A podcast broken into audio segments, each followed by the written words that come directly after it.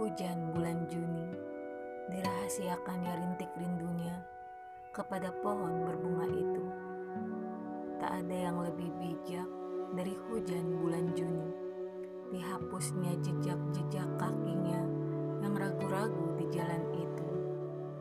Tak ada yang lebih arif dari hujan bulan Juni, dibiarkan yang tak terucapkan diserap akar pohon bunga itu.